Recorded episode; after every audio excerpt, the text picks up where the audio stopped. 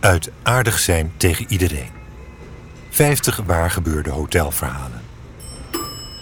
Dubai.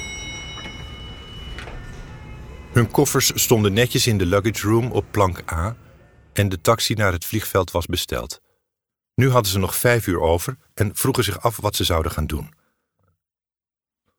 Rondvaartboot, dan. Gazan, dan. Van Gogh in het Rijks, dan. Zijn jullie al in de toren geweest? vroeg ik en wees naar Noord. We stonden voor het hotel.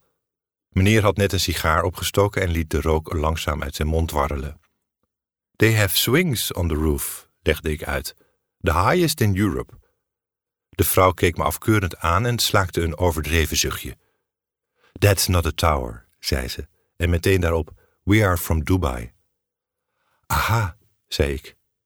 In Dubai is alles groter, vulde de man aan. Wij hebben de hoogste wolkenkrabber ter wereld, de grootste fontein, de grootste golfbaan, het grootste themapark, het grootste aquarium, het grootste winkelcentrum. Maar één ding hebben jullie niet, onderbrak ik. Hij liet zijn sigaar hangen. En that is? Rain. Beiden keken me verbaasd aan. Hoe of ik dat wist. Ik vertelde over de vier vrouwen uit Dubai die een paar dagen geleden gesluierd in mooi roomkleurige linnen twee uur lang rondjes om het hotel hadden geslenterd, door de regen, met ieder een eigen hotelparaplu.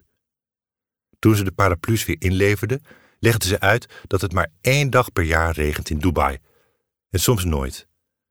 De man en de vrouw knikten beide. Het was waar. Het regende zelden in Dubai. En nu wilden ze weten wat al die regenboogvlaggen in de stad betekenden. Waarop een verwarrend gesprek volgde waarin ik het allemaal probeerde uit te leggen. Stonewall, emancipatie, bevrijding, feest.